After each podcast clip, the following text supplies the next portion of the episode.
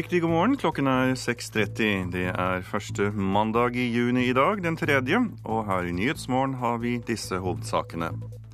Pensjonskassen KLP vil ikke lenger investere i et av verdens største oljeselskap, franske Total, fordi selskapet leter etter olje i Vest-Sahara. Vest-Sahara er under eh, okkupasjon av Marokko, og det å utvinne naturressurser eh, fra okkupert land er svært omstridt og erklært ulovlig av FN. Det sa leder for ansvarlige investeringer i KLP, Jeanette Bergan. Norge undertegner i dag den globale våpenhandelsavtalen i FNs hovedkvarter i New York. Og flere TV- og strømmetjenester bryter markedsføringsloven. Og programleder i dag, det er Tor Albert Frøsland. Men vi starter i Tyrkia, for det har vært voldsomme sammenstøt mellom demonstranter og politi i natt. Flere enn 1700 mennesker er arrestert etter de siste dagers protester. Politifolk fyrer av tåregassgranater mot demonstrantene som bak sine barrikader av brostein kaster stein og små brannbomber. Et sted er en gravemaskin satt i brann. Verst har det vært utenfor gamle Besiktas stadion i Istanbul og utenfor statsministerens kontor i samme område. Politiet bruker vannkanoner, og TV-bilder viser hvordan politifolk banker opp en av demonstrantene. 500 har havnet på sykehus, og ifølge Amnesty har to mennesker mistet livet siden demonstrasjonene mot styret til statsminister Erdogan startet før helgen. EU fordømmer politiets voldsbruk, og Det hvite hus ber partene roe seg ned. Det sa reporter Øyvind Nyborg. Minst fire mennesker mistet livet, og minst åtte er meldt savnet etter kraftig regn i Mellom-Europa. I Tsjekkia er det erklært unntakstilstand i flere deler av landet, og det er det også i flere delstater sør og øst i Tyskland. Regnet utløste jordras og førte til oversvømmelser og problemer i trafikken i flere land. Da skal vi høre at pensjonskassen KLP ikke lenger vil investere i et av verdens største oljeselskap, franske Total. Investeringene på flere hundre millioner kroner ble det slutt på for et par dager siden, fordi selskapet leter etter olje i Vest-Sahara. Det er uetisk, sier lederen for ansvarlige investeringer i KLP, Jeanette Bergan. Vest-Sahara er under eh, okkupasjon av Marokko, og det å utvinne naturressurser eh, fra okkupert land er svært omstridt og erklært ulovlig av FN. Derfor bestemte den kommunale landspensjonskassa KLP at de nå slutter å investere penger i det franske oljeselskapet Total. KLP er Norges største livsforsikringsselskap, og svært mange som jobber i offentlig sektor har i dag sin pensjonsordning i KLP. Erik Hagen er daglig leder i støttekomiteen for Vest-Sahara. Han har lenge fulgt med på Totals virksomhet i området, og er glad for at KLP fra 1.6 slutter å investere i oljeselskapet. Dette her er veldig gode nyheter fra KLP, men det er absolutt ikke overraskende, for dette her er hårreisende galt. det Total driver med. Dette området tilhører jo ikke Marokko. Og Marokko utsteder letelisenser for eh, oljeressurser og andre ressurser i Vest-Sahara i strid med det som er FNs juridiske vurderinger om lovligheten av dette.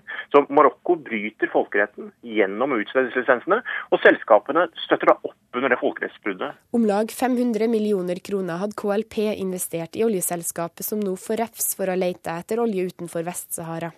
Jeanette Bergan i KLP tror investeringsstoppen har en innvirkning.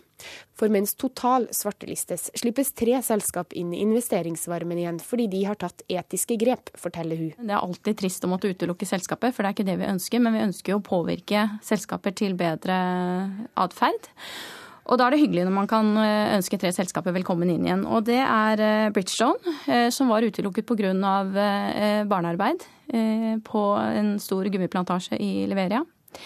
De har gjort mye for å rette opp i, i det, den utfordringen de har i området, og vi mener nå at det er tilstrekkelig for at vi kan gå god for at de kan komme inn igjen i vår portefølje.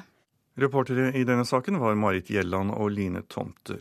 Og Total ønsker ikke å svare til norsk media, men til KLP sier de likevel at de ikke driver uetisk virksomhet i Vest-Sahara. Nå skal det dreie seg om den globale våpenhandelavtalen, for i dag undertegner Norge som et av de aller første landene i verden nettopp denne avtalen, og det gjøres i FNs hovedkvarter i New York. Avtalen ble vedtatt i april, og målet er å holde de som selger våpen, ansvarlige for hvordan våpnene til slutt blir brukt.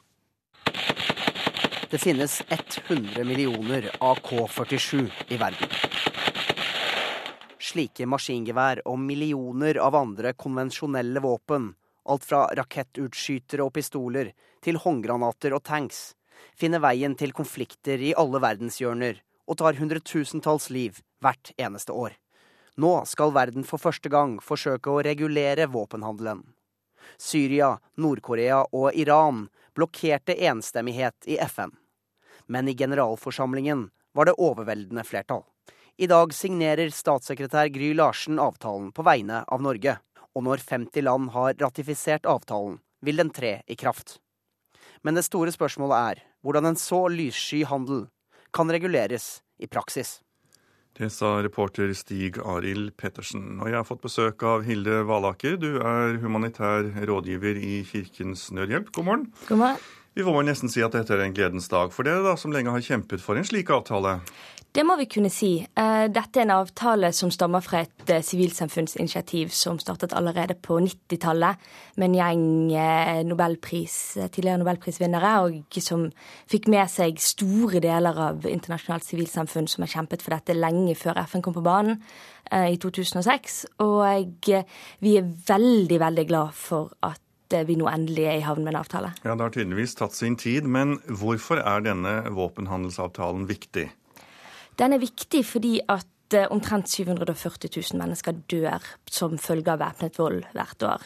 Eh, og fordi at det ikke fins før nå en ordentlig regulering på internasjonalt nivå av, eh, av våpenhandel. Det er altfor lett, og har til nå vært altfor lett, å selge våpen til både stater og ikke-statlige aktører som begår grove overgrep mot, mot sivilbefolkning, grove brudd på menneskerettighetene og humanitærretten for lett å selge, sier du, men vil denne avtalen gjøre noen forskjell i praksis? Ja, sånn er det jo med all internasjonal rett, at den har litt dårlige, kan du si eh, eh, verktøy for å kunne tvinges gjennom. Men eh, den etablerer noen normer for hva det er som er akseptabelt å gjøre i det internasjonale samfunnet. Og det denne avtalen innebærer, er jo at FN-stater faktisk har akseptert at ikke det er akseptabelt for eh, stater å selge våpen når de vet at det er en god risiko for at de vil bli brukt til å bryte menneskerettighetene, menneskerettigheten og humanitærretten, blant annet. Og eh, det, litt avhengig av eh, hvordan avtalen blir håndhevet av enkelte stater, kan gjøre en, faktisk en veldig stor forskjell på sikt. Et av stedene i verden hvor vi opplever konflikt nå, det er Syria. Og nylig vedtok EU å åpne for eksport av våpen til opprørerne i det landet, mens Russland sender raketter til Assad-regimet. Vil dette være lov under de nye reglene vedtatt i FN? Nei, det er det veldig vanskelig å forestille seg at det vil være akseptabelt. Faktisk for de fleste stater som kjempet for en sterk avtale, så var Syria på en måte testen. En avtale ville ikke være verd å ha hvis den ikke ville stanse um, eksport av våpen til både Assad-regimet og, og opprørerne. Uh, her er det så grove brudd på menneskerettighetene og på humanitærretten på begge sider at det er helt umulig å se for seg at dette vil være akseptabelt. Men vi er faktisk et av verdens største våpeneksportører, i hvert fall sett i forhold til folketallet vårt. Så hvordan blir denne loven eh, for oss? Ja, nå har jo norske myndigheter sagt at de ikke nødvendigvis ser for seg at Norge må gjøre de store endringene i sitt regelverk. Samtidig er det sånn at eh, Norge har, driver og eksporterer våpen til allierte uten egentlig å stille noen særlige spørsmål ved hvordan de allierte velger å bruke disse våpnene, og hvordan de selges videre. Og jeg har store problemer med å se at det er en forsvarlig praksis under denne nye våpenhandelsavtalen. Eh, så mer enn at Norge må endre sitt regelverk, så mener jeg og mener vi i Kirkens Nødhjelp at Norge definitivt må endre sin praksis når det kommer til eksport til våre allierte. Da får vi håpe det i så fall skjer. Takk skal du ha, Hilde Valaker i Kirkens Nødhjelp. Vi skal til Storbritannia, for en ny politisk skandale ryster Storbritannia. Til sammen fire medlemmer av parlamentet har enten trukket seg eller er blitt utestengt fra sine partier etter anklager om korrupsjon.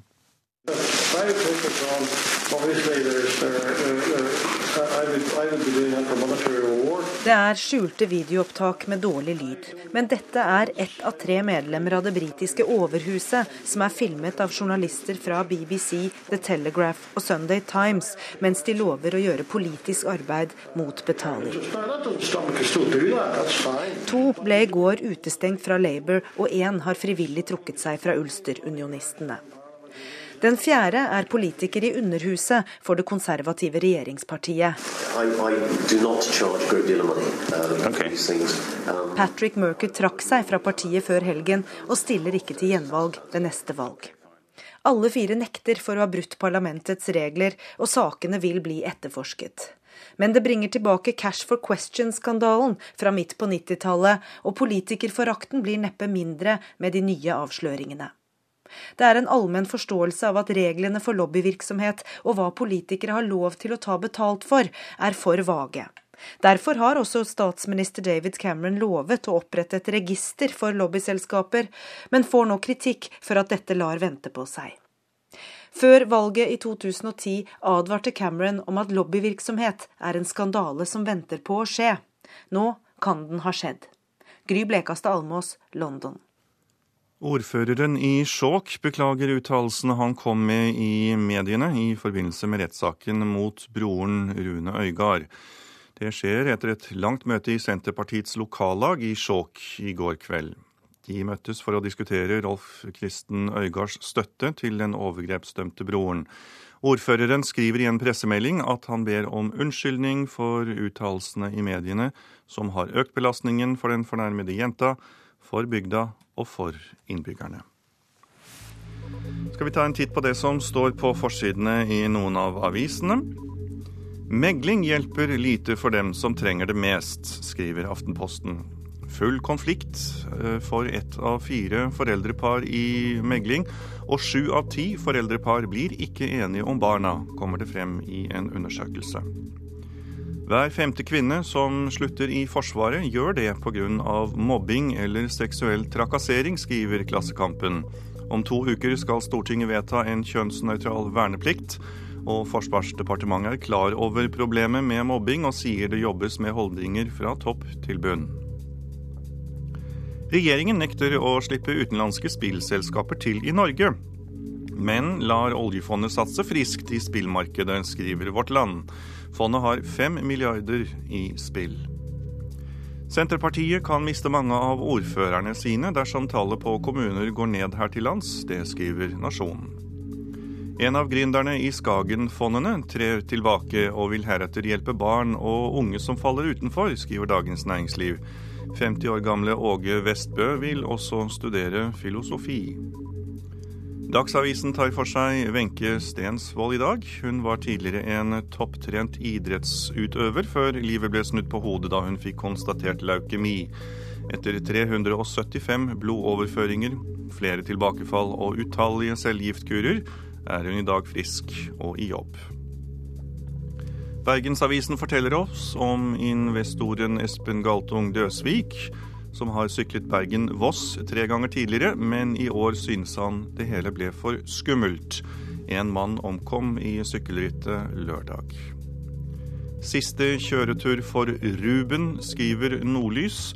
Ruben Thomassen omkom i en MC-ulykke forrige uke, og i går deltok 50 i parade for å minnes. Stormberg-gründer Stein J. Olsen har gått på tvers av Sørlandet. Midt på natten møtte han på elgen i de dype skoger, det forteller Fedrelandsvennen. Men elgen forsvant, og Olsen nådde målet. Sju norske par står frem i VG i dag og forteller om hvordan de taklet utroskapen. Dagbladet tar for seg kredittkort og kan presentere listen over de billigste og dyreste kredittkortene. Å si opp jobben når du har passert 50, det er en risikosport, skriver Bergens Tidende. Sju av ti bedriftsledere har ikke ansatt noen over 50 år det siste året. Det viser en undersøkelse som avisen presenterer. Og tvedestrandsselskapet Kvikk Flange takket nei til et oppkjøpstilbud. Selskapet har utviklet en ny sveiseteknikk og har blitt en pengemaskin innen oljeservice, skriver Finansavisen.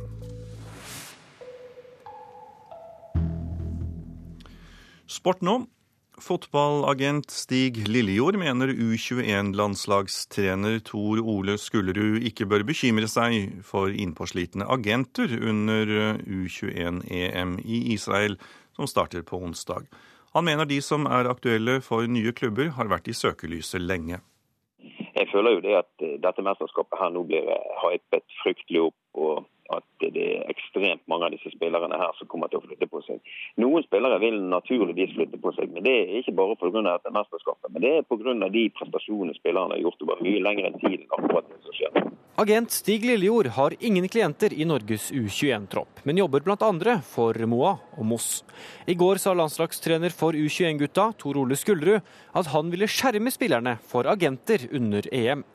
Lillejord mener de er så profesjonelle at de holder seg unna. Det er ingen hensikt å eh, holdt på å si, eh, kjøre et løp overfor en spiller som sitter i et mesterskap. Det er jo kun til, til spilleren og lagets beste at han klarer å holde fokus. Klubber sender ut talentspeidere som tar kontakt med agenten til den eller de spillerne de ønsker seg. Det skal være over 100 klubber representert under U21-EM. Der er ikke Rosenborgs talentspeider Stig Torbjørnsen som mener at mesterskapet har mye å si for spillerne. Det er, det er nok den beste arenaen å speide på, fordi at uh, de gutta er i den perfekte alderen. da. Du skal nesten kunne bare gjøre én god i U21-EM, så er, er, det god sjanse at du kan få deg en annen klubb. Han håper, som Lillejord, at agentene venter. Hvis de kunne la være å, å henvende seg direkte til uh, spillerne under EM, så tror jeg det hadde vært en stor fordel for Norge, og ikke minst da Tor Ole Skullerud for at gutta selvfølgelig skal prestere best under EM og ikke ha mye annet å tenke på. Reporter var Henrik Jonassen. Klokken har passert 6.47 her i Nyhetsmorgen. Her er hovedsakene. Pensjonskassen KLP vil ikke lenger investere i et av verdens største oljeselskap, franske Total, fordi selskapet leter etter olje i Vest-Sahara. Norge undertegner i dag den globale våpenhandelsavtalen i FNs hovedkvarter i New York. Og over 4500 besøkte den største Munch-utstillingen noensinne på åpningsdagen i Oslo i går. Men nå skal vi høre at flere kommuner synes det blir for dyrt, og dropper å sende elevene på leirskoler. På en skole i Holmestrand har derfor noen foreldre i en av klassene startet pengeinnsamling til leirskole, mens den andre klassen ikke får tilbud om dette. Rektor Inger Rønning ved Ekeberg skole sier at klassen som samler inn penger, ikke får fri til å dra på leirskole i skoletiden. Det er jo vanskelig å gi fri til det. Da, da begynner vi å nærme oss en sånn grense i forhold til gratisprinsipp. Vi ønsker jo å ha en skole for alle, og bystyret i Holmestrand har vært klare og sagt at eh, leirskole det har vi ikke råd til. Og da å basere seg helt på foreldre som gjør dugnadsinnsats, det, det er vanskelig.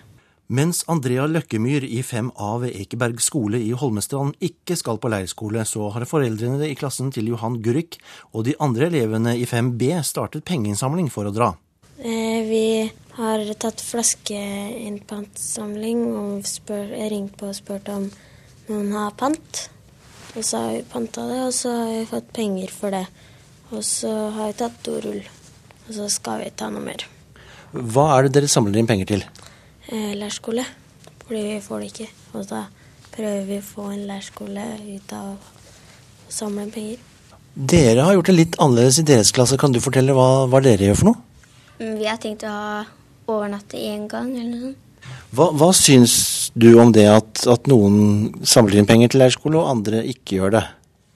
Mm, jeg syns det er helt greit. Altså, de får jo like bra begge to. Det kan bare noen vil reise litt lenger enn andre. Leder av foreldreutvalget ved skolen, Jan Tore Saltnes, er ikke fornøyd med at det på denne måten oppstår ulikheter mellom klassene på skolen. Nei, Det syns jeg er veldig eh, beklagelig. Skolen har jo et eh, gratisprinsipp. Og det at um, foreldre og elever må finne ulike ordninger for å skaffe penger til leirskole, det er ikke en sånn gråsone i forhold til, til gratisprinsippet på, på skolene. Dessuten får jo kommunene de får jo støtte til leirskole.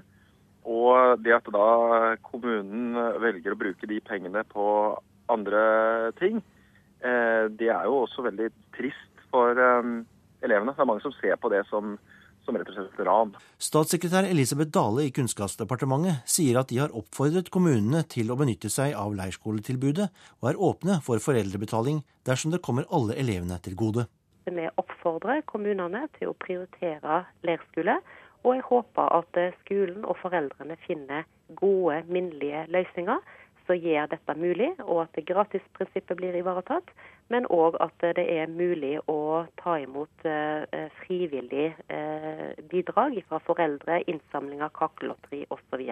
Men da må de midlene komme alle barna til gode, sånn at det ikke blir en forskjellsbehandling. Men nå ser dere jo at det blir en forskjellsbehandling ved at noen reiser og noen ikke gjør det. Vil eh, dere likevel ikke gripe inn i denne saken? Vi følger nøye med i utviklinga på hvordan dette utvikler seg. Eh, vi ser av statistikken at det er like mange i dag som tidligere som, som reiser på leirskole. Det er vi godt fornøyd med. Men jeg skjønner at det er en fattig trøst for de som ikke får reise. Reporter var Sigbjørn Larsen. Og nå skal vi ha kulturnyheter. Flere TV- og strømmetjenester har urimelig lang oppsigelsestid som bryter med markedsføringsloven.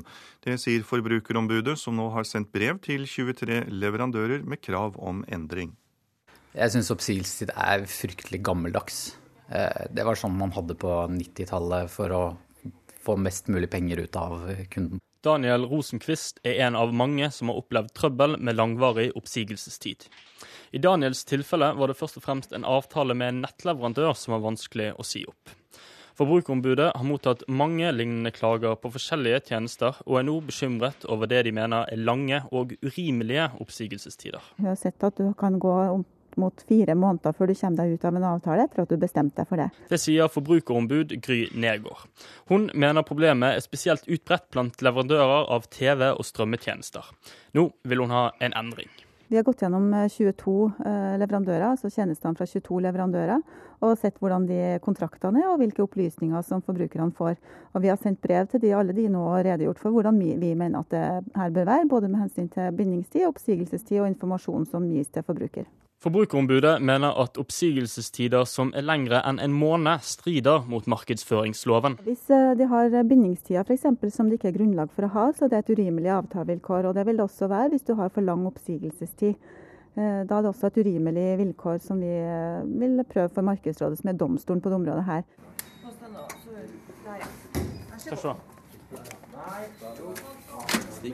Jeg vil si at brudd på markedsføringsloven er litt sterke ord. Vegard Drogseth er administrerende direktør i Viasat, et selskap med en praksis på tre måneder oppsigelsestid og en versting på Forbrukerombudets liste. Han er ikke helt enig med Nergård. Denne saken var oppe i Markedsrådet i 2006, og da fikk Viasat medhold i at eh, oppsigelsestiden var OK. Men når det er sagt, så har markedet endra seg vesentlig siden 2006. Så eh, vi ser fram til å ha en dialog med Forbrukerombudet, og bransjen ikke minst, på hva som er eh, OK vilkår for tilbydere. Nå er det jo en hel jungel av tilbydere, eh, og jeg, jeg ville personlig gått for en som eh, sier at du kan nærmest si opp på dagen. Mens Daniel vil kunne si opp på dagen, mener Viasat-direktøren at oppsigelsestiden er en økonomisk sikkerhet når selskaper gjør store investeringer for å bedre tilbudet til forbrukerne. Historisk sett så henger nok oppsigelsestiden eh, sammen med et ønske om å ha en forutsigbarhet. Eh, spesielt i forhold til kjøp av dyre rettigheter og investering i ny teknologi, så, så gir det en trygghet på investeringen. Eh, men når det er sagt, eh, et nytt marked og et utviklet marked med nye konkurrenter krever også at vi tilpasser oss til den nye markedssituasjonen, og det er noe vi, har satt er helt åpne for å gjøre. Reporter var Jare André Mikkelsen.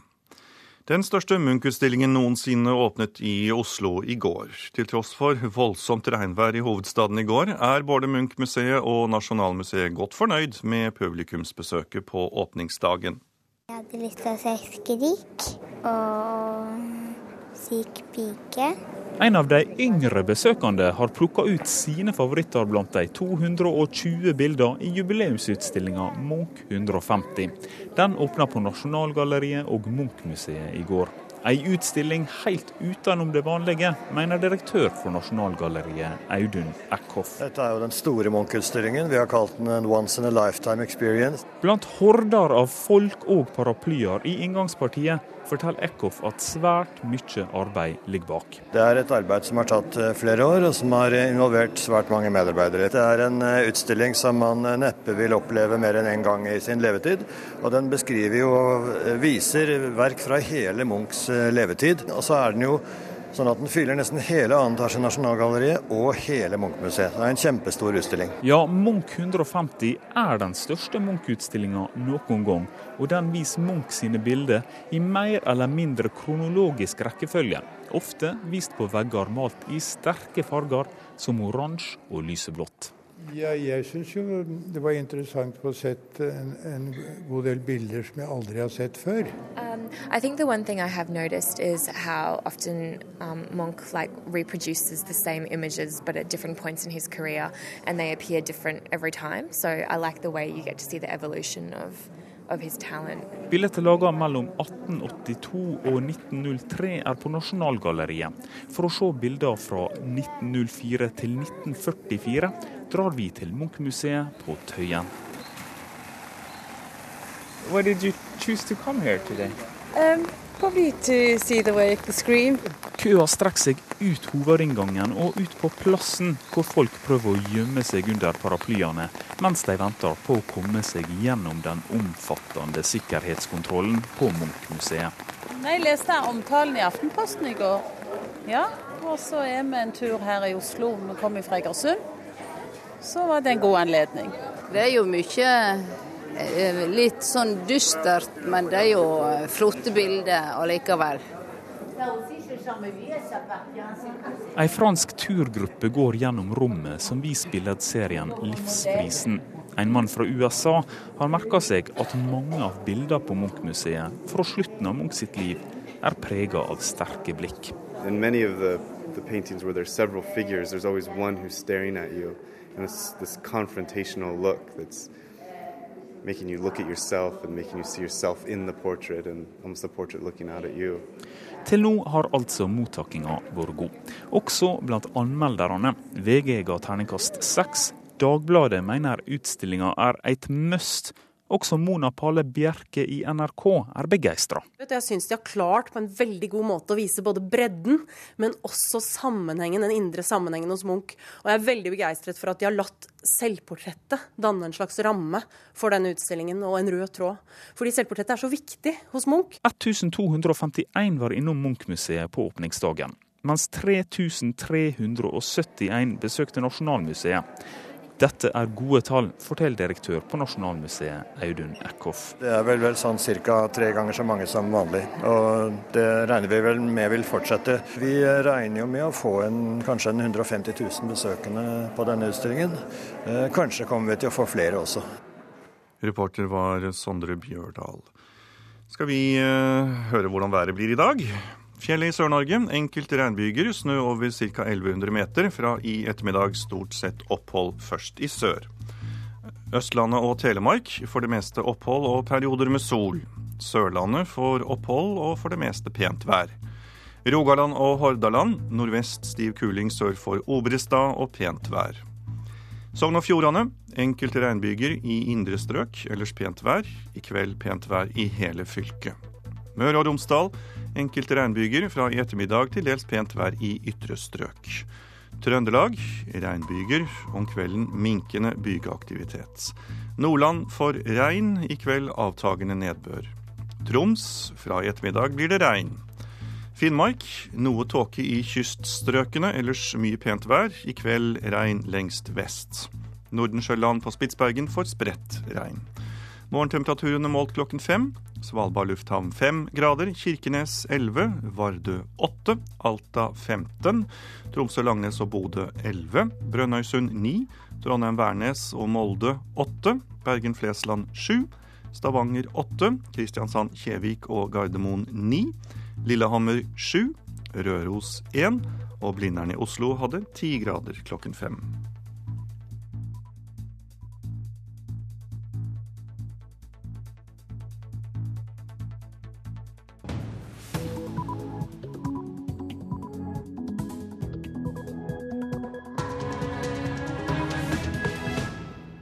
Klokken er sju. Du lytter til Nyhetsmorgen med Tor Albert Frøsland, og her er nyhetsoppdateringen.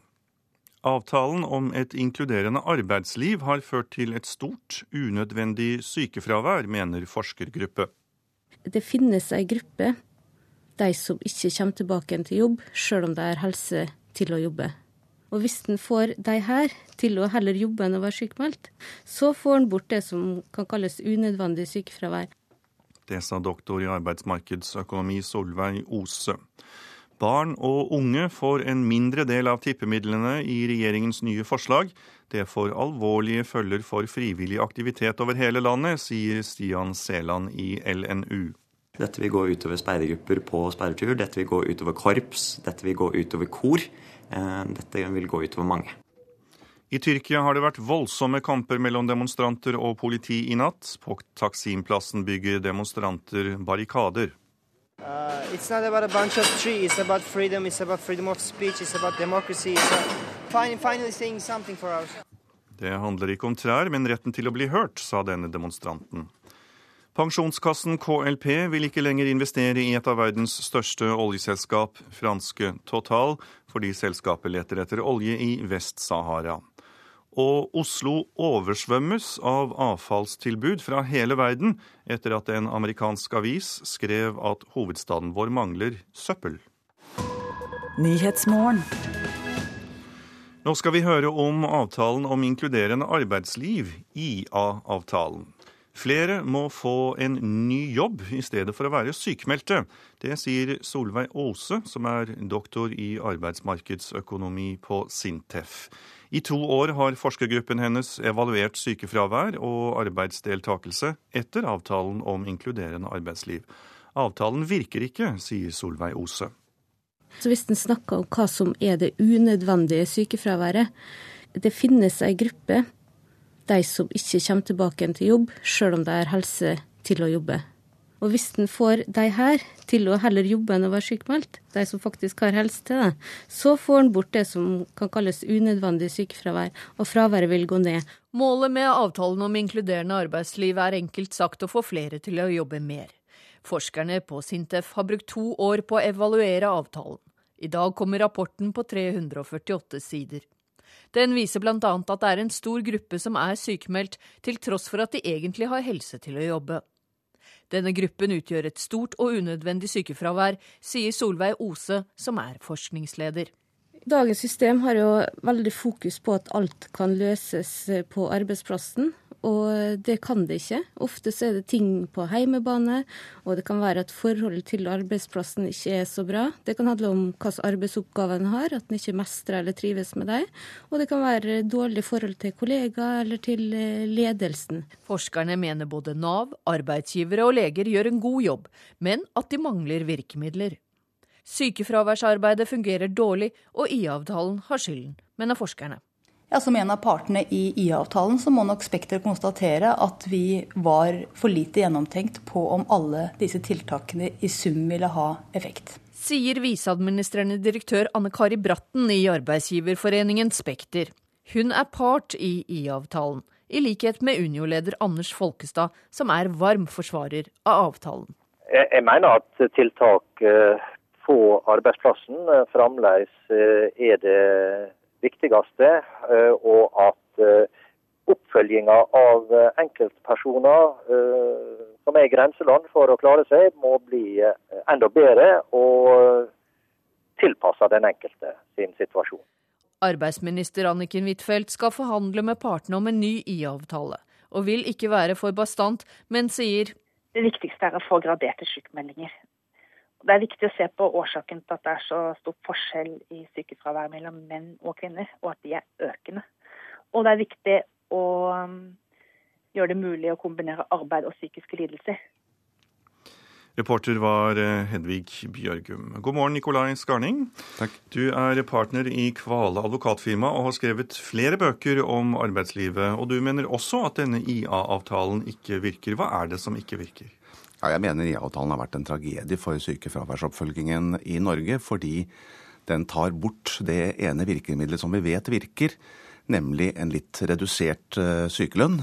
Og Derfor så syns jeg at vi må få tatt noe bort i avtalen og få laget et nytt eh, regime i Norge i dag. Et nytt regime, sier du?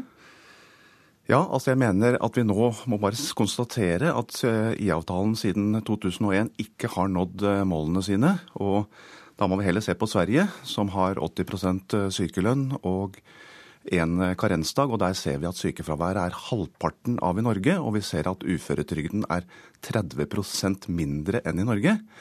Eh, men jeg vil samtidig understreke at det er viktig da at vi følger det som er LOs råd, og det er å skjerme de aller svakeste, og da sørge for at de som er kronisk syke eller svake eh, med en alvorlig sykdom, de skal alltid kunne ha 100% sykelønn. Men altså for oss to og resten av Norge så bør man altså kunne finne seg i litt lavere sykelønn, nettopp fordi at eh, da får du den økonomiske motivasjonen til å gå på jobb. Det ser ikke ut til at eh, IA-avtalen kommer til å bli skrotet, slik du eh, antyder at den bør. Men eh, skal flere sykemeldte rett og slett skifte jobb? Ja, det kan absolutt være en god idé. Og det er jo noe av problemet også med IA-avtalen, at den låser jo folk opp på ett sted, og så driver man på der i årevis for å få den tilbake. Det kan godt tenkes at det er bedre at vedkommende hadde gått over til noe annet. Og Du sier at IA-avtalen den vil bli værende. Jeg er ikke så sikker på det. Eh, Bedriftsforbundet har satt i gang en kampanje som heter Skrot IA-avtalen. og Den eh, samler nå støtte i næringslivet i Norge og har som mål å få da de sentrale partene, NHO, Virke, Spekter, til å gå ut av avtalen, slik at vi kan sette i gang tiltak som virkelig virker mot sykefraværet. Kan det være å nærmest tvinge folk ut i en ny jobb, i stedet for å gå hjemme sykemeldt? Ja, jeg tror kanskje at vi må bare innse det at folk som er syke også trenger en støttende hånd, også trenger en påvirkning utefra av og til. Det er ikke alltid når du er syk at du ser ditt eget beste. Og da kan det være at en mild tvang med den hensikt å sørge for at du blir værende i arbeidslivet, at det faktisk kan være et poeng. Det å ikke se sitt eget beste, har du kanskje et eksempel på hva som kan være en positiv endring for sykemeldte? Ja, altså jeg jobber jo mye ute på bedriftene med sykefraværsoppfølging. og Av og til så setter vi da fokus på enkeltpersoner som har hatt høyt sykefravær gjennom mange år. Og så sier vi at skal vi prøve å finne noen andre muligheter. Og jeg vil si at mange av de sakene går veldig bra, og vedkommende er takknemlig etterpå for å ha kommet inn på et nytt spor i livet. Har du noe forklaring på hvorfor ikke IA-avtalen har virket når det gjelder å få ned sykefraværet? Ja, Den enkle forklaringen er altså at, at IA-avtalen den fryser sykelønnsordningen. Den beskytter selve den sykelønnsordningen som LO fikk gjennomslag for i 1978, og som sier at du skal ha 100% sykelønn fra dag én. Det betyr altså at det er litt mer økonomisk lønnsomt å være hjemme enn å gå på jobb, fordi du sparer reisekostnader og reisetid. Og det er altså grunnleggende feil prinsipp. Men så har det dessverre gått prestisje i LO på dette, slik at det er vanskelig å diskutere dette med LO. Men jeg håper jo at LO etter hvert vil komme på banen og se at dette har vi alle nytte og glede av. Å få sykefraværet ned, og få uføretrygden ned på svensk nivå, nemlig ned til 7% istedenfor en tidel av befolkningen. Da vil vi bare der kunne spare faktisk driftsbudsjettet til både Ullevål, Aker, Riks- og Radiumhospitalet hvert eh, år. Så dette er viktig. Takk skal du ha, Nikolai Skarning, for at du kom til oss i Nyhetsmorgen.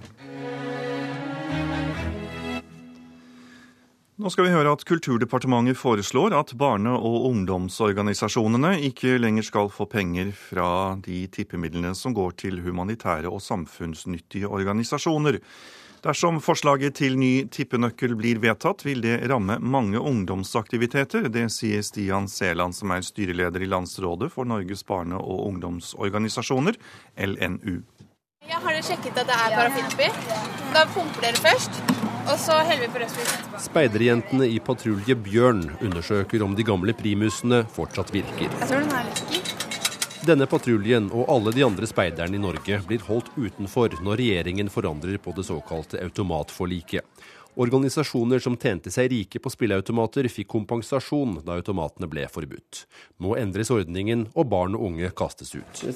Juvente mistet 146 000. Mm.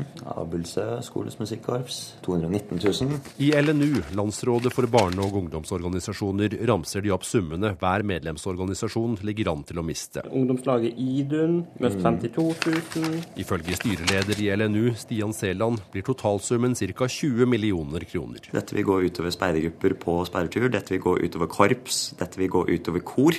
Eh, dette vil gå utover mange. Hvordan å få tak i disse pengene på annet eh, vis? Altså, dette var jo penger som var tilgjengelig i en veldig lett og relativt ubyråkratisk ordning. Eh, skulle få disse pengene tilbake inn i organisasjonene vil medføre mye arbeid og mye byråkratiske utfordringer knytta til søknader eller massive verveaksjoner. Vi ber departementet stoppe opp, tenke seg om og snu i denne saken. For her må man ta den tiden det trenger på å få en tippenøkkel som er rettferdig og varig. Denne saken er nå på høring, så det forslaget fra LNU det regner jeg med at vi får innspill på. Vi skal se ordentlig på alle innspillene vi får. Mina Gerhardsen er statssekretær i Kulturdepartementet. Hun sier at noen kommer til å miste pengestøtte, mens andre kan søke gjennom sine voksenorganisasjoner eller via kulturdelen av tippemidlene. Så det er ikke gitt at dette regnestykket blir så galt for LNU om det forslaget som ligger nå, blir sånn. Har dere pumpet? Jeg tror vi skal skrive lapp på det. Men for speiderne og styreleder i Speiderforbundet, Knut Slettebakk, ser regnestykket dårlig ut. Det vil bli mindre mulighet for de gruppene som i dag får penger til å arrangere aktiviteter til beste for barn og unge. Det vil bli et dårligere tilbud. Reporter var Fredrik Lauritzen. Og jeg har fått besøk av styreledere i Lilleborg skoles musikkorps, Anne Forhus. God morgen og velkommen. God morgen. Vi hørte her at uh, korps kan miste støtten, og dere får 91 000 kroner i det som kalles automatkompensasjon. Hva betyr disse pengene for driften av korpset du er styreleder for? Det betyr ganske mye. For vårt budsjett så er det ca. 10% av inntektene. Og det høres kanskje lite ut, men, men, det er ganske dyrt å drive korps. Og alle kilder til inntekter de må vi benytte oss av. Så dette er, dette er faktisk en veldig viktig kilde for oss. Men Hva kan konsekvensene bli dersom dette faller bort? Altså, Vi må jo prøve så godt vi kan å, å skaffe penger på andre måter. Eh, vi driver jo med loppemarked, og der tjener vi kanskje opp i en halv million i året. Men jeg tror det er en, et tak på hvor mye penger vi klarer å dra inn på, på loppemarked. Så i verste fall så blir det at vi er nødt til å knipe inn på undervisningstimer til ungene, på innkjøp av musikkinstrumenter. Kanskje vi ikke kan ta inn fullt så mange aspiranter.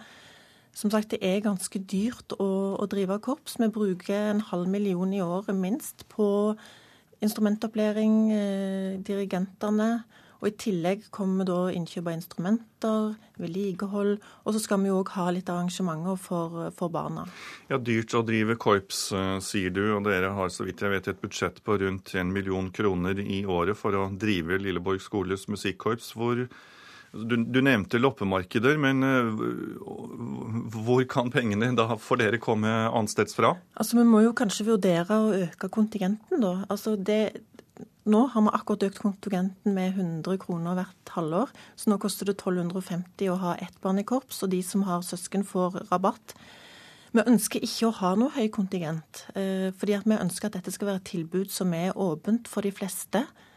Eh, så vi syns jo at det ville være veldig uheldig hvis vi er nødt til å gå den veien. Du snakket også om at det er dyrt å kjøpe instrumenter, men kan det være billigere å leie instrumenter? Eh, det er kanskje mulig, men det, er jo vanskelig å, å få leid instrumenter òg. Eh, vi har jo undersøkt det med andre skolekorps. altså Noen ganger så er det sånn at medlemsmassen varierer litt. og Hvis vi er på opptur, så har vi undersøkt om det er mulig å leie instrumenter fra andre korps, men de fleste korps har ikke mer enn det de trenger. Helt avslutningsvis, hva er det mest positive ved arbeidet dere gjør i korpset? Det er jo et fantastisk tilbud for barna. De lærer å spille, det er sosialt, de lærer samspill. Og jeg tør òg påstå at vi bidrar til kulturlivet i bydelen. Takk skal du ha, Anne Forhus, styreleder i Lilleborg skoles musikkorps. Klokken den er 7.14 nå. Det er Nyhetsmorgen i NRK P2 Alltid nyheter du lytter på. Her er hovedsakene. Avtalen om et inkluderende arbeidsliv har ført til et stort unødvendig sykefravær, mener forskergruppe. I Tyrkia har det vært voldsomme kamper mellom demonstranter og politi i natt. 1700 mennesker er arrestert de siste dagene. Og det må bli slutt på at prostatakreft er mer tabu å snakke om enn f.eks. brystkreft, mener pasient. Og det skal du få høre mer om om litt.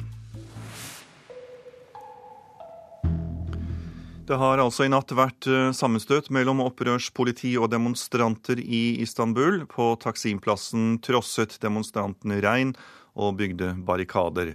Det dreier seg ikke lenger bare om trær. Vi vil bli hørt, sier en demonstrant til NRK. Metallstolper, betong, murstein, gjerder, bølgeblikktak. Alt dras og settes sammen til en solid barrikade i en av sidegatene til Taksimplassen her i Istanbul. Demonstrantene bygger en første skanse, før de gir seg i kast med en bakre skanse. Det tar ikke mange minutter før begge barrikadene er ferdig. Demonstrantene vil forsvare seg. Det er uro ved statsministerboligen i bydelen Besjiktas, og de frykter det vil spre seg til plassen. So, why are you building uh, barricades? Uh... They will attack from Besiktas, so we're trying to protect. Who will attack? Government police. Yeah. Politiet vil angripe oss, sier Dila. En ung jente jeg treffer ved barrikadene. Hun er der sammen med John. Ingen av dem vil gi etternavnene sine. Det er tryggere slik. Why are you uh, staging this, uh, this protest? What's your aim? Uh, it's not about a bunch of trees. It's about freedom. It's about freedom of speech. It's about democracy. It's, a, um, it's, about, it's about um, Protect democracy, yeah, fin finally saying something for ourselves. Dette handler ikke bare om noen trær.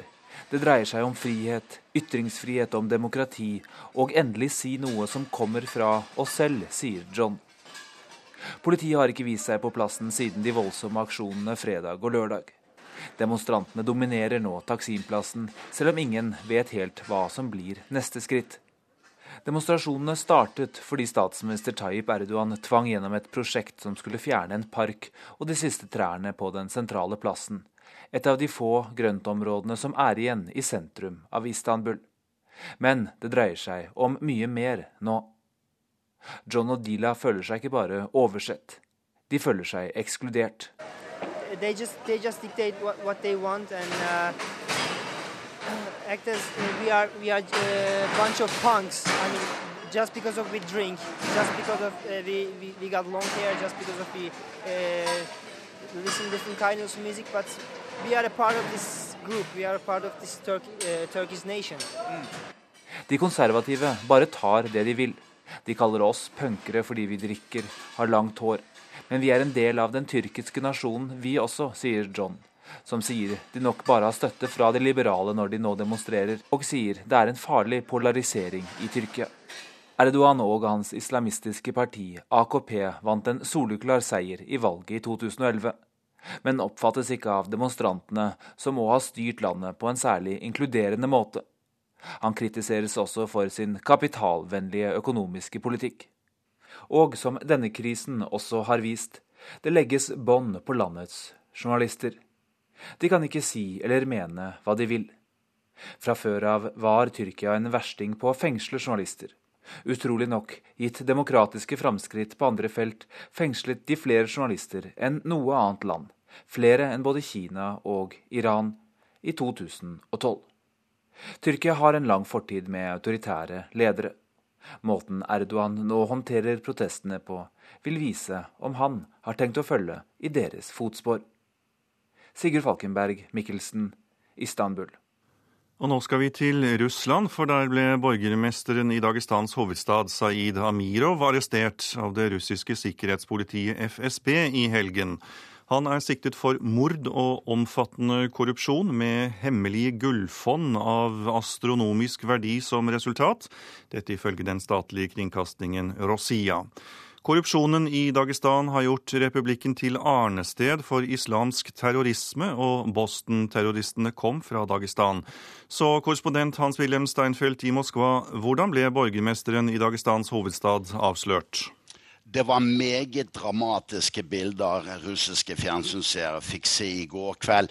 Et helt team av eliteoffiserer fra FSB ble sendt til Moskva, fra Moskva til Dagestan for at ikke stedlige myndigheter skulle få eh, snusen i hva som var på gang. Og uttrykket 'en hel militær operasjon' ble brukt av programleder Dmitrij Kisiljov i går kveld.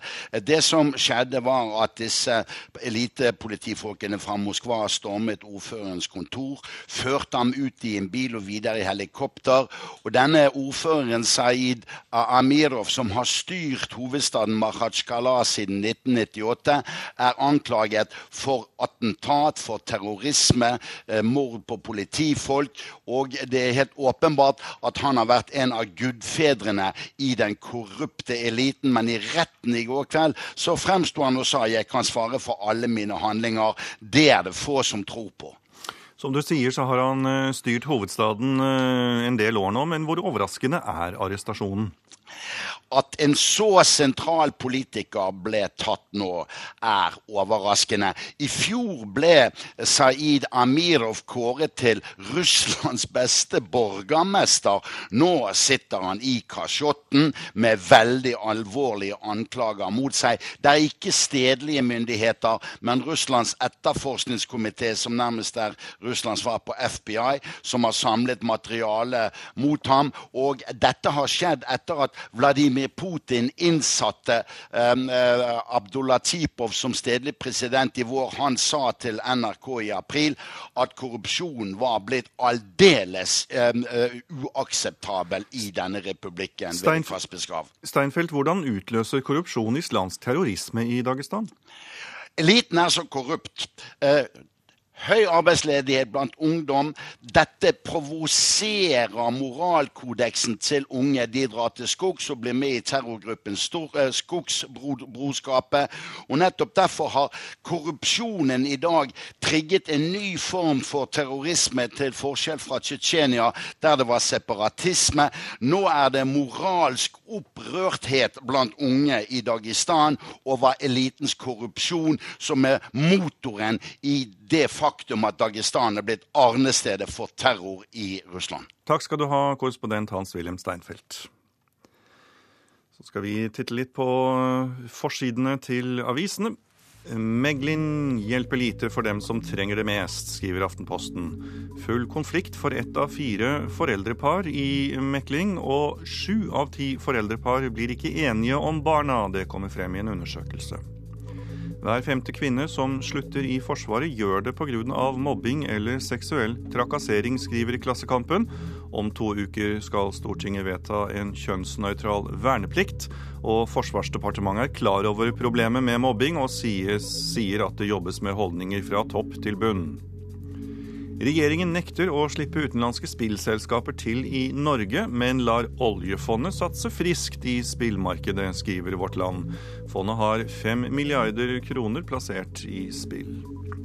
Senterpartiet kan miste mange av ordførerne sine dersom tallet på kommuner går ned her til lands, skriver Nasjonen. En av gründerne i Skagen-fondene trer tilbake og vil heretter hjelpe barn og unge som faller utenfor, skriver Dagens Næringsliv. 50 år gamle Åge Vestbø vil også studere filosofi. Dagsavisen tar for seg Wenche Stensvold i dag. Hun var tidligere en topptrent idrettsutøver, før livet ble snudd på hodet da hun fikk konstatert leukemi. Etter 375 blodoverføringer, flere tilbakefall og utallige cellegiftkurer er hun i dag frisk og i jobb. Bergensavisen forteller oss om investoren Espen Galtung Døsvik, som har syklet Bergen-Voss tre ganger tidligere, men i år syns han det hele ble for skummelt. En mann omkom i dette rittet lørdag. Siste kjøretur for Ruben, skriver Nordlys. Ruben Thomassen omkom i en MC-ulykke i forrige uke. I går eh, deltok 50 i parade for å minnes. Nå skal vi høre at det må bli slutt på at prostatakreft er mer tabu å snakke om enn f.eks. brystkreft og livmorhalskreft. Det sier Bård Melin Olsen, som selv ble rammet av kreftsykdommen som tok livet av flere familiemedlemmer. Likevel måtte han nærmest presse legen til å ta de nødvendige undersøkelsene, for deretter å vente i over et år på operasjon. Jeg syns det er kjempeflott at man utvikler vaksiner mot livmorhalskreft. Jeg syns det er kjempeflott med screening av eh, brystkreft. Det skulle bare vært der for menn òg. Han har mista flere nære familiemedlemmer, bl.a. faren, pga. prostatakreft. Likevel måtte Bård Melin Olsen sjøl nærest presse fastlegen sin til å ta blodprøven som avslørte det han frykta. Så ringte jeg til legen tre dager etterpå, og da sa legen at jeg hadde påvist kreft. Operasjonen, sa han, ville ha en ventetid mellom ni og tolv måneder. Til sammen venta han 13 måneder fra han fikk diagnosen til han lå på operasjonsbordet. Prostatakreft er den vanligste formen for kreft blant norske menn. Den er dobbelt så dødelig som brystkreft. Andreas Stensvold, leder i Norsk onkologisk forening, tror dessverre ikke historien til Bård er unik. Han mener at kvinnebryst og kvinners underliv er langt mindre tabu enn menn sitt underliv. Og det handler nok noe om skam. Prostatakreft handler jo mye om seksualitet. Mangel på muligheten for seksualitet etter behandling seksualitet hos eldre herrer, det snakker man ikke om. Så er det faktisk en del prostatapasienter som i dag venter i månedsvis, som burde ha kommet raskere i gang med behandling. Nå håper Bård at hans historie skal gi håp til andre i den samme situasjonen. Og jeg opplever at andre menn ikke vet hvor de skal gå, har ikke den erfaringen som jeg tror kvinner har. Men jeg tror òg at kvinner langt på vei blir hjulpet til å få den erfaringen. For kvinner blir kalt inn til undersøkelser, menn blir ikke det. Reporter var Eli Fossdal Våge. Så skal vi høre at uh, Oslo oversvømmes av avfallstilbud fra hele verden etter en artikkel i The New York Times. Avisen skrev at forbrenningsanleggene i Oslo trenger mer avfall for å varme opp byens boliger og kontorer. Det førte til tilbud om å ta imot avfall fra bl.a. Pakistan og Bulgaria, forteller Jannicke Gerner Bjerkås i Energigjenvinningsetaten. Den artikkelen har ført til at vi har fått eh, henvendelser fra nesten hele verden. Kina, Hawaii, USA, Bulgaria, Kosovo, Eh, Ghana og en rekke andre land. Budskapet i avisartikkelen i USA var riktig nok. Oslo, byen som lager varme av søppel, sliter med avfallsmangel. Oslos miljøvennlige avfallsbehandling vekket oppsikt verden rundt, og tilbud om å avhjelpe avfallsmangelen strømmet inn til Energigjenvinningsetaten. Men flere har misforstått og trodd at etaten kjøper avfall, og det er feil, sier Gerner Bjerkås. Det er sånn at de som har avfall og vil kvitte seg med det, de må betale for å uh, få behandlingstjenester på avfallet. Dere får altså betalt for å ta imot avfall? Det stemmer. Vi får betalt for å ta imot avfallet og for å energigjenvinne det. Men når dere har gjenvunnet energi og da fått varmt vann, så tjener dere på det òg, ikke sant? Ja, det stemmer. Oslos to forbrenningsanlegg tar allerede imot husholdningsavfall fra utlandet, fra Leeds i England. Det begynte de med i fjor. Leeds kunne dumpet avfallet på en åpen søppelfylling i England, men pga. økte deponiavgifter i EU ville det blitt dyrere enn å kjøpe forbrenningskapasitet i Oslo, sier Gerner Bjerkås. Per eh, dags dato så er det kun England vi får fra. Og det har eh, altså kun vært i vintermånedene, fra oktober til april hvor vi da mottar eh, ekstra brensel i de månedene hvor vi trenger å produsere mest varme. Avfallsbehandling og gjenvinning er altså big business over hele verden. Avfall er en vare som kjøpes og selges som alt annet. Men tilbudene etter Oslo-artikkelen i USA har så langt ikke ført til nye kunder for Energigjenvinningsetaten. Nei, vi har nok ikke fått noen konkrete kunder ennå. Men det er jo en del av det kontinuerlige markedsarbeidet vårt. Betyr det at uh, gjenvinningsanleggene rundt om i Skandinavia at de konkurrerer på pris om avfall? Det stemmer. Og det er jo det som har gjort at situasjonen har endret seg veldig de siste årene. Spesielt i Sverige så har det vært en voldsom utbygging av, eh, av eh, energigjenvinningsanlegg og fjernvarmenett. Som gjør at i Sverige er det stor overkapasitet. Så begynte de da å bevege seg inn på det norske markedet og konkurrere om det norske avfallet. Og etter hvert som da eh, grenser har åpnet seg og avfallet har blitt rett og slett en internasjonal handelsvare, så ser vi nå at eh, vi eh, konkurrerer om avfall egentlig i, i europeisk sammenheng. Reporter var Kjell Wesche. Det er Nyhetsmorgen du lytter til. Anne Jetlund Hansen har kommet i studio for å gi deg Dagsnytt nå straks. I reportasjen etter Dagsnytt kan du høre om et land som kan trenge noen euro fra Tyskland. Og vi skal også ha Politisk kvarter. Produsent for Nyhetsmorgen denne morgen det er Kari Bekken Larsen. Og her i studio Tor Albert Frøsland.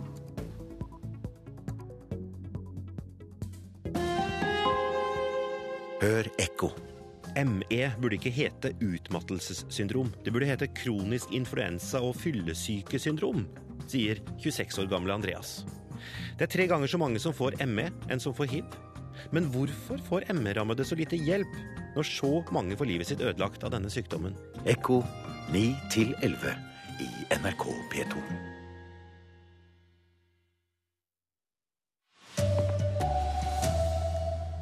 Avtalen som skal få langtidssykemeldte tilbake på jobb, virker ikke, mener forskere.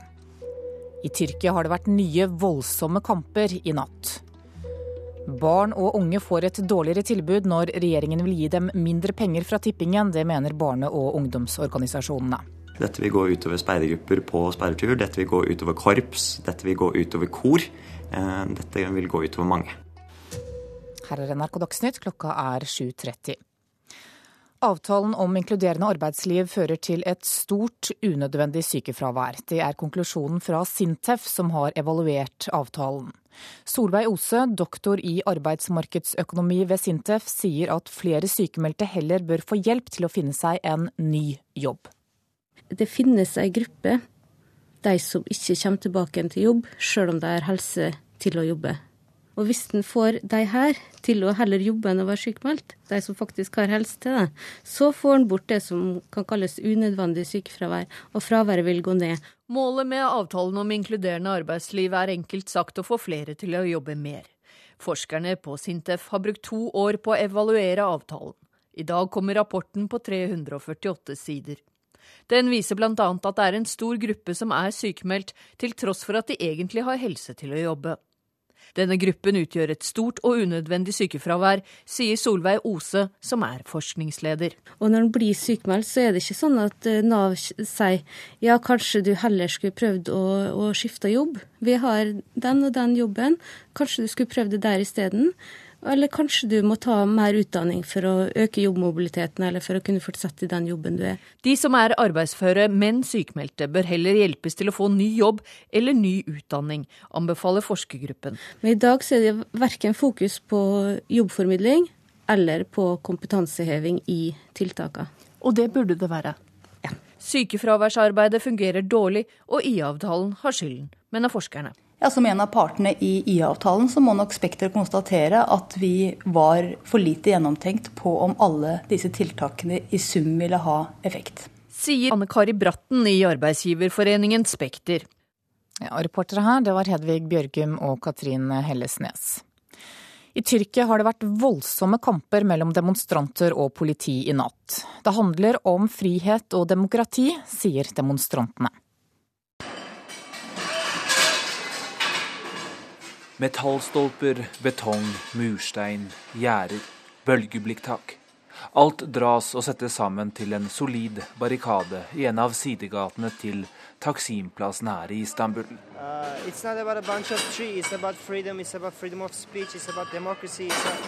Dette handler ikke bare om noen trær. Det dreier seg om frihet, ytringsfrihet, om demokrati, og endelig si noe som kommer fra oss selv, sier John.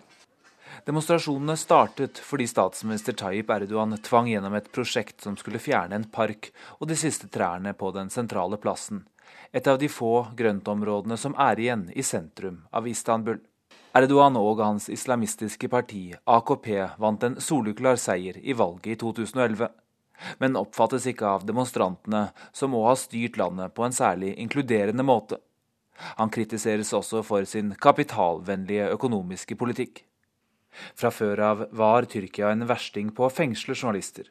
Utrolig nok, gitt demokratiske framskritt på andre felt, fengslet de flere journalister enn noe annet land, flere enn både Kina og Iran, i 2012.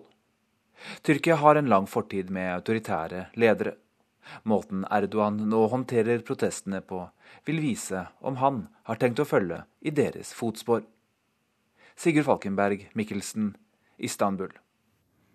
En ny politisk skandale ryster Storbritannia. Fire medlemmer av parlamentet har enten trukket seg eller blitt utestengt fra partiene sine etter anklager om korrupsjon.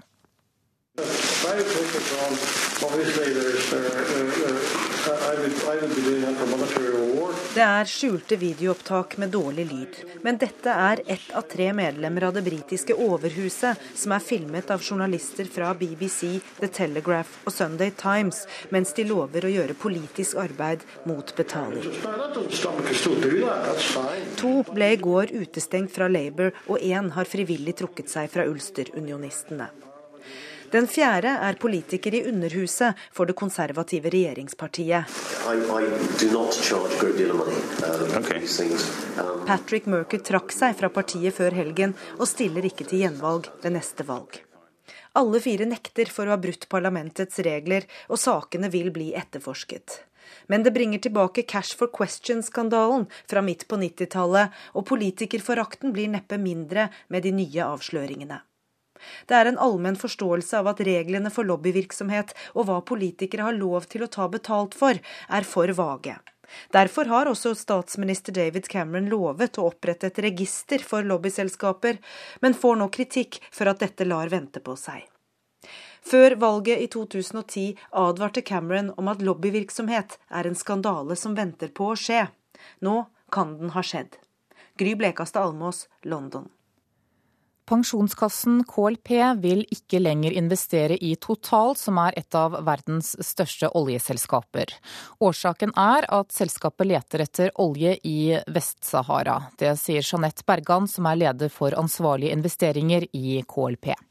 Vest-Sahara er under eh, okkupasjon av Marokko, og det å utvinne naturressurser eh, fra okkupert land er svært omstridt og erklært ulovlig av FN. Også driver ikke Total i dag med utvinning, men det anses allikevel som uetisk når det helt tilsynelatende er formålet med virksomheten de i dag har.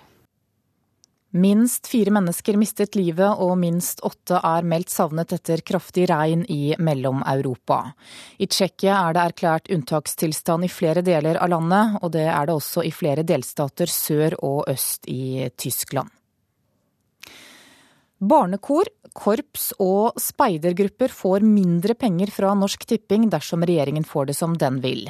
I dag får humanitære og samfunnsnyttige organisasjoner en viss andel av tippepengene, men nå vil regjeringen fjerne barne- og ungdomsorganisasjoner fra ordningen. Ja, har dere sjekket at det er parafin oppi?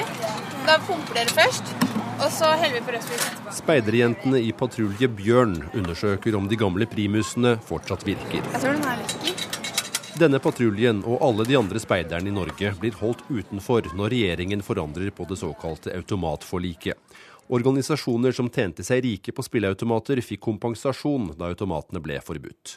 Nå endres ordningen, og barn og unge kastes ut. Vi Juvente mistet 146 000. Mm. Abelse skoles musikkorps 219 000. I LNU, Landsrådet for barne- og ungdomsorganisasjoner, ramser de opp summene hver medlemsorganisasjon ligger an til å miste. Ungdomslaget Idun mistet Mm. 52 000. Ifølge styreleder i LNU, Stian Seland, blir totalsummen ca. 20 millioner kroner. Dette vil gå utover speidergrupper på speidertur, dette vil gå utover korps, dette vil gå utover kor. Eh, Dette vil gå utover mange. Vi ber departementet stoppe opp, tenke seg om og snu i denne saken. For her må man ta den tiden det trenger på å få en tippenøkkel som er rettferdig og varig. Denne saken er nå på høring. Mina Gerhardsen er statssekretær i Kulturdepartementet. Hun sier at noen kommer til å miste pengestøtte, mens andre kan søke gjennom sine voksenorganisasjoner eller via kulturdelen av tippemidlene. Så det er ikke gitt at dette regnestykket blir så galt for LNU om det forslaget som ligger nå, blir sånn. Har dere pumpet? Jeg tror vi skal lapp på det. Men for speiderne og styreleder i Speiderforbundet, Knut Slettebakk, ser regnestykket dårlig ut. Det vil bli mindre aktivitet eh, i de gruppene som i dag får penger fra ordningen, og det vil bli et dårligere tilbud. Reporter, det var Fredrik Lauritzen. Da skal vi ha sport, for denne uka starter Europamesterskapet for U21-lag i fotball i Israel. Norge er med for første gang på 15 år. Landslagstrener Tore Ole Skullerud sier det er svært viktig for spillerne å få mesterskapserfaring.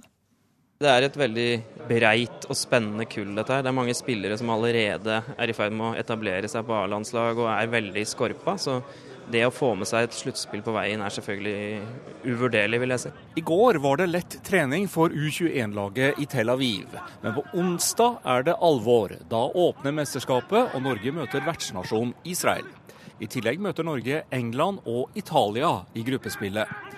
Odd-spilleren Fredrik Sem Berge, som er midtstopper, sier dette blir en flott erfaring å ta med seg videre. Ja, absolutt. Det er ikke så mange på, på A-landslaget heller kanskje som har vært i noe mesterskap, så det, så det, er selvfølgelig en bra erfaring å ta med seg. Så forhåpentligvis så, så blir det en god erfaring også. Reporter her, det var Pål Thomassen, og Norge spiller den første kampen, som er mot Israel på onsdag. Ansvarlig for denne sendingen var Sven Gullvåg, teknisk ansvarlig Frode Thorshaug og her i studio Anne Jetlund Hansen.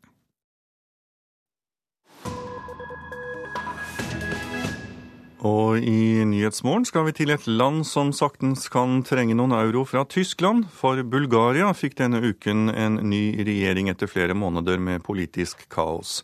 Men usikkerheten er fortsatt stor i det fattigste landet i EU. Jevgenij Dafinov undersøker innholdet i en søppelcontainer i byen Blagojevgrad i Bulgaria. Den 44 år gamle mannen mistet jobben som snekker for fire år siden. Nå er han en av Bulgarias mange fattige som konkurrerer om å finne noe av verdi i søppelkassene. Jeg leter etter jern, papir og flasker, sier Jevgenij. På en god dag klarer han å tjene 80 kroner på det han finner i søpla. Men han kommer stadig sjeldnere opp i en slik sum, for folk blir mer og mer forsiktige med hva de kaster.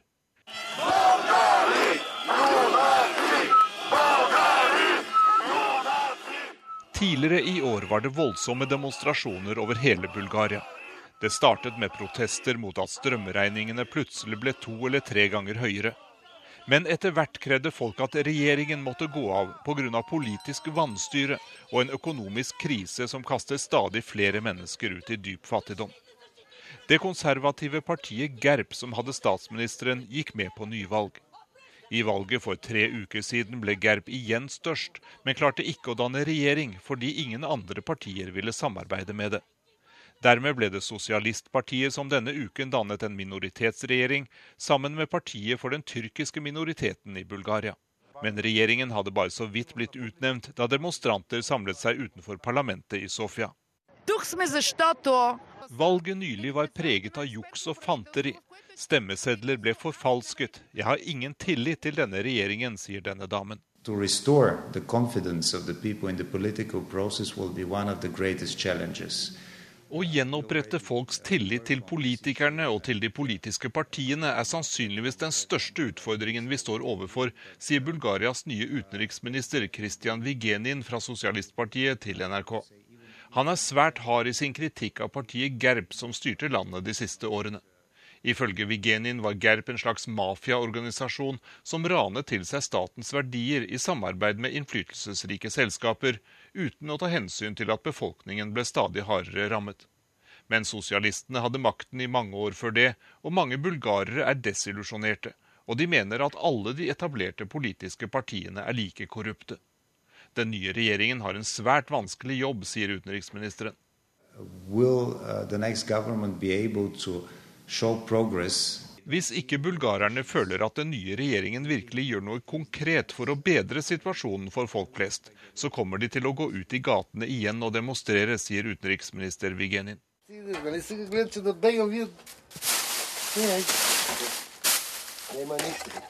Jevgenij Dafinov er i ferd med å avslutte dagens jakt i søppelkonteinerne. Han er ikke så veldig fornøyd med dagens fangst. 5 години кара, навършва 6-та зима. Jevgenij har aldri vært inne på tanken på å delta i demonstrasjoner. Han er altfor fattig til det. Han er mest opptatt av å overleve til neste dag. Og så håper han at han snart får se igjen den seks år gamle datteren som bor sammen med bestemoren i en landsby fire timers reise unna. Hvis Jevgenij finner litt ekstra verdifullt metall i søpla, så får han kanskje råd til en bussbillett.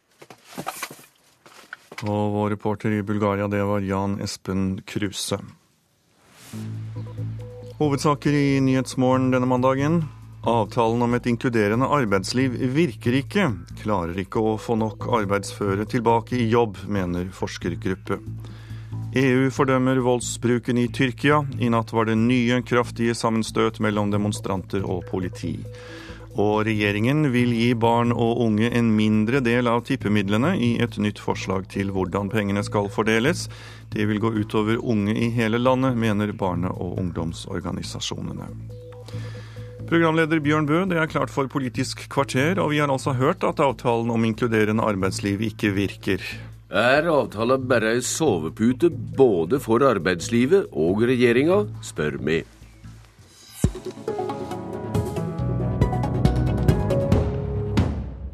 Vi skal med en gang vende oss til Sintef i Trondheim og forskningsleder Solveig Osborg Ose, god morgen.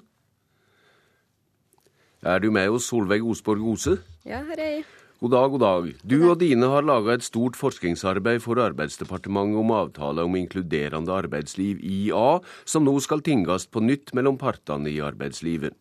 Vi har hørt i nyhenda i dag at mye godt Nav-arbeid for å få sykemelda tilbake i arbeid nærmest er bortkasta. Hvorfor er det slik, Ose?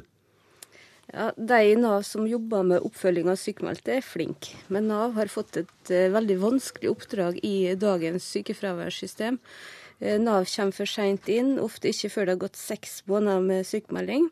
Og de bruker veldig mye tid på å overprøve legens vurdering og be om mer medisinsk dokumentasjon for hver sykemelding, men det her har liten effekt på sykefraværet. Men sykefraværet har gått ned i perioder, er altså ikke det pga. IA-avtalen? Sannsynligvis ikke. Mange er såkalla unødvendig sykemeldte, mener det. Hvem er disse unødvendige? Vel, merkelig nok så er det ingen som har definert de her tidligere. Alle sykemeldte blir behandla helt likt i dagens system. Men vi mener at de unødvendig sykemeldte, det må være de som forblir sykemeldt, sjøl om de har helse til å jobbe. Mm. Og de er det råd å gjøre noe for etter deres syn? Ja, det er det. Det etterlyser mer satsing på arbeidsmobilitet, altså skifte arbeid, enn på oppfylling og satsing på å få sykemeldte tilbake i den jobben de er sykemelde fra. Hva innebærer det? Jo, Det er fordi at de med høy jobbmobilitet de skifter jobb om de ikke mestrer eller trives i jobben sin. Men de med lav jobbmobilitet, og det kan være mange grunner til lav jobbmobilitet, de blir heller sykmeldt enn å si opp jobben og bli arbeidsledig. Og dermed så er det ei gruppe her som må hjelpe oss ekstra, da, etter deres syn? Ja. I hva grad ser de at det gir mer penger eller yting å være sykemeldt enn å melde seg arbeidsløs? Vel, du får nå 100 lønn om du blir sykemeldt, men bare litt over 60% om du blir arbeidsledig. I tillegg er det jo stor risiko med å si opp jobben, særlig da hvis du har lav jobbmobilitet. I hva grad er det slepphendte lekere som er problemet her? Nei, vi tror ikke det er der det ligger. Det finnes slappe leger, det finnes slappe ansatte og slappe arbeidsgivere òg.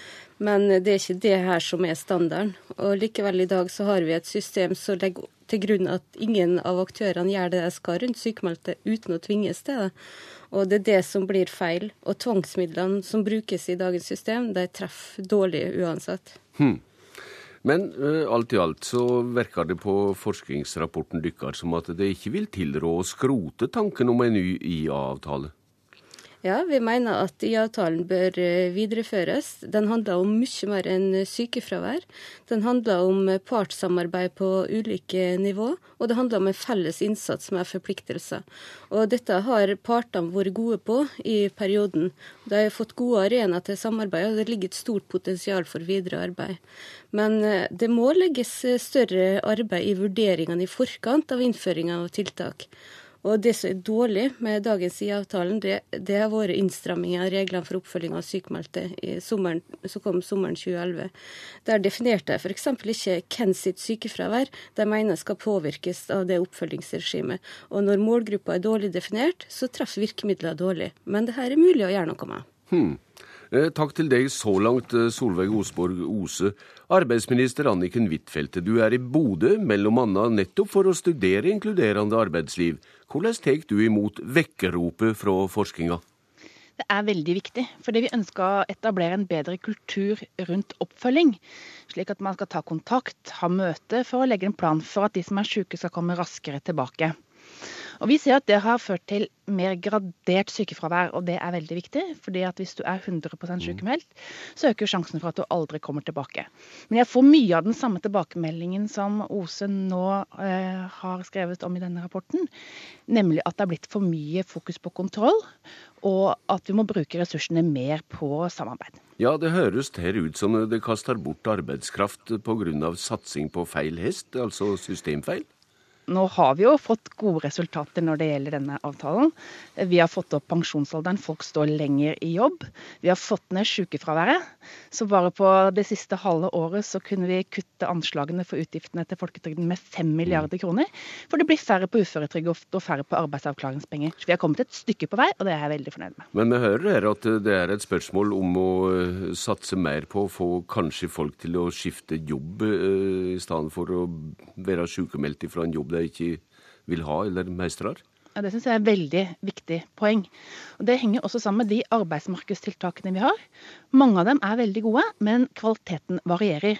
Så hvis man skal få folk til å skifte jobb, så må vi også inn tidligere. Og vi må også inn med tiltak allerede mens man er sykemeldt. Arbeidstalsmann i Høyre, Torbjørn Røe Isaksen, i hva grad har avtale om inkluderende arbeidsliv vært ei sovepute både for partene i arbeidslivet og for regjeringa? Nei, Det har ikke vært en sovepute, for det finnes ikke noe alternativ til å jobbe aktivt med sykefravær fra politisk hold, arbeidsgiverhold og, på, øh, og arbeidstakerhold og gjøre det på den enkelte arbeidsplass. Men, men det har jo vært sånn at uh, kanskje, hvis jeg skal si vi politikere, da, så har det vært litt for lett å anta at enhver ting man dytter inn i IA-avtalen, automatisk er med på å få sykefraværet ned. Og sånn er det altså ikke, hvis vi skal tro denne rapporten, og det burde vi nok. Mm. Dersom du skulle være i regjering og tinge IA-avtale, hvor mye ville du legge vekt på å få folk til å skifte arbeid fra det arbeidet de er sykemeldt ifra? Eh, altså det er jo ikke noe mål i seg selv at man skal skifte arbeid fra arbeid man er sykemeldt fra, men hvis man ikke ikke realistisk sett kan komme tilbake til den jobben man har sykemeldt fra, så burde man uh, bytte jobb. Ja, men Jeg hører her her i forskninga at uh, mange er friske nok for så vidt til å arbeide, men ikke til å jo, ha men, det arbeidet de er sykemeldt fra. Ja, men det er jo nettopp det. Det er nettopp det som er poenget. og det, altså det, første, det, første, som har vært målet vårt lenge, det er å få tidlig intervensjon, altså at vi klarer å mm. gripe inn tidlig. Og hvis det da er sånn at man ser, og man alle egentlig burde forstå at denne jobben her kommer du ikke tilbake til, så er det så selvfølgelig burde folk da hjelpes over i andre typer jobber, også, også, før sykemeldingsperioden har gått ut. Men jeg tror det aller viktigste nå det er jo at vi er nødt til å se på hva er, hva er evalueringen av tiltakene. Blant annet så er det synes jeg, et varsku her at uh, noe av det rapporten peker på, er at vi har laget for byråkratiserende oppfølgingsregimer. Mm. At det som heter dialogmøtene, som skulle være en av paradenumrene, nemlig at Nav og legene og arbeidsgiver og arbeidstaker samla seg, det, det, fungerer dårlig og er dårlig bruk av legens tid. Da må vi jo ta høyde, altså Det må vi jo ta hensyn til da, i neste IA-avtale. Det er ikke noe alternativ. Vi kan ikke se bort fra kunnskapen bare fordi det har gått prestisje i et par av disse prosjektene. Og dialogen kommer ofte for seint i gang, hører med forskninga sier. Og Anniken Huitfeldt, du var så vidt inne på det.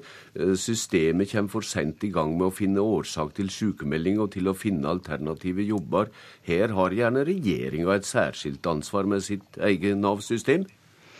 Ja, men Nav gir god hjelp til mange bedrifter. Men mange av de mindre bedriftene gir meg tilbakemelding på at de ønsker tettere oppfølging, og spesielt knytta til psykiske lidelser.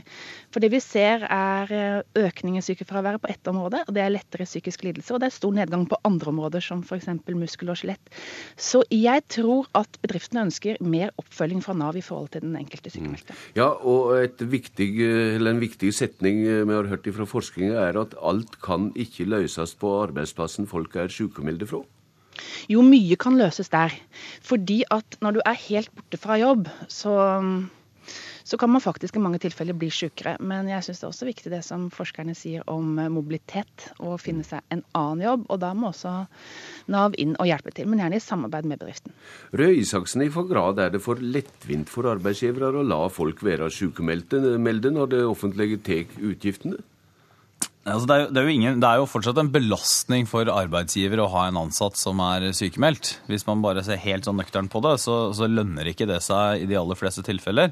Men, eh, eller det lønner seg vel ikke i noen tilfeller. Det er noen som bruker det kanskje for å spare litt på budsjettene. Men stort sett så er jo det noe som er en ekstra utgift for bedriften, for du må ha en vikar.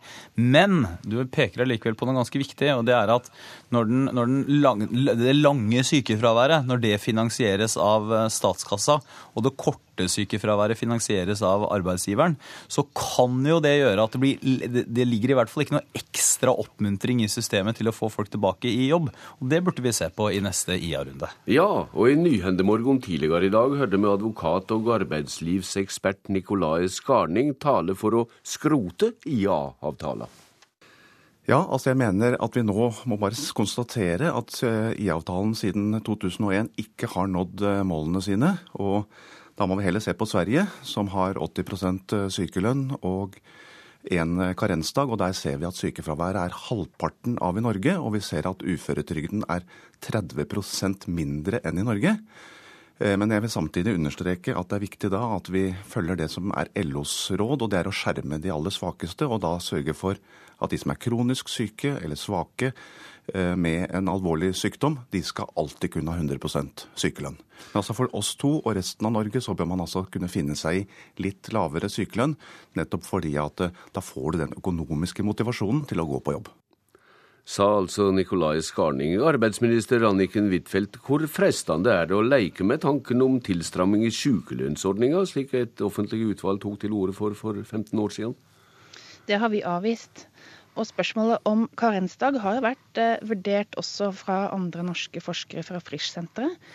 Uh, og de viser jo da til forskning bl.a. fra Sverige, som sier at karensdagen også kan føre til lengre sykefravær. For er du syk, sjuk, skal du gå på jobb en andre dag, eller skal du vente til du vet at du er helt frisk.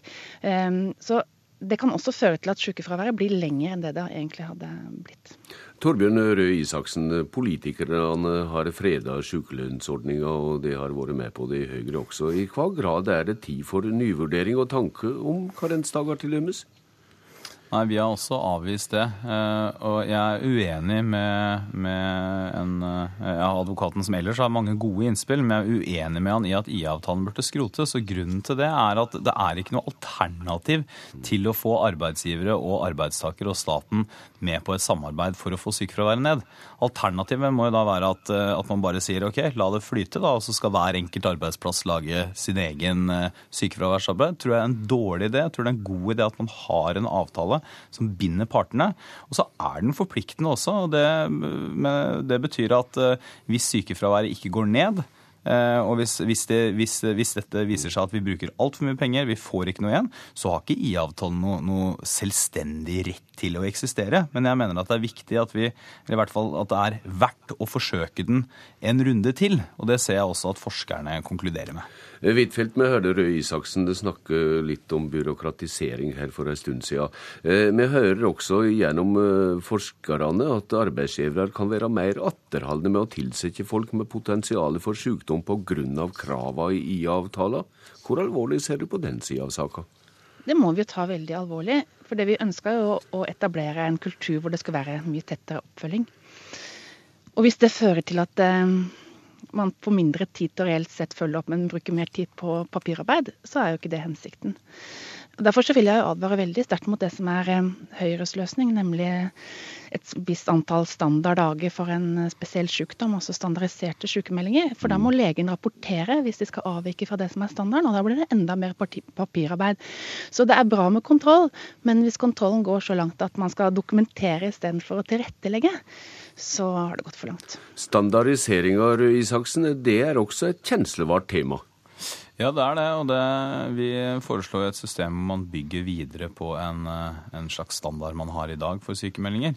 Eh, og, og, vil se om det har en effekt. Men det er jo selvfølgelig som alle andre ting, så er det noe som må prøves, og så må det sjekkes om det har en effekt. Og hvis det ikke har en effekt, så er det ikke noe poeng å gjøre det. Er dette nesten, da, ja. Bare for å skyte inn, da, da syns jeg statsråden, som, som burde ha den samme sammen med innstillingen til sine egne ting. F.eks. da at man har satt legene inn i et enormt byråkratisk system i forbindelse med dialogmøtene. Skulle gjerne hørt Anniken Huitfeldt si at når det er godt dokumentert at det har liten effekt, er det noe vi skal slutte med? Ja, kanskje det, Huitfeldt? Men det må vi diskutere med partene i arbeidslivet, hva slags oppfølgingskultur vi skal ha nå. Men vi har jo vurdert dette med standardiserte sykemeldinger. Og våre fremste medisinske eksperter har advart veldig mot det. Du har ikke prøvd det, du har vurdert det, men du har ikke jo, prøvd det. Jo, men det er veldig dumt å sette i gang et eh, forslag som er godt utreda, og man sier skaper mer byråkrati. Isteden så burde man legge er, mer trekte for, for, tilrettelegging for den enkelte. For, mer... Det er jeg enig med tilrettelegging. Da, forskningsleder Solveig Osborg Ose, nå har du hørt på politikerne. Har du flere råd til deg i de tilstundende tingene om ny IA-avtale? Ja, Det som er viktig når en skal lage system så mange påvirkes av, da, det er å ha nok kunnskap om effekter og konsekvenser. Så det her må gjøres mye grundigere vurderinger om neste gang. Og partene må tenke mer mm. helhetlig. Men det er fullt mulig. Og den kunnskapen har det virka med til å gi deg. Takk til dykk Solveig Osborg Ose, Anniken Huitfeldt og Torbjørn Røe Isaksen. Politisk kvarter er slutt. Jeg heter Bjørn Bø.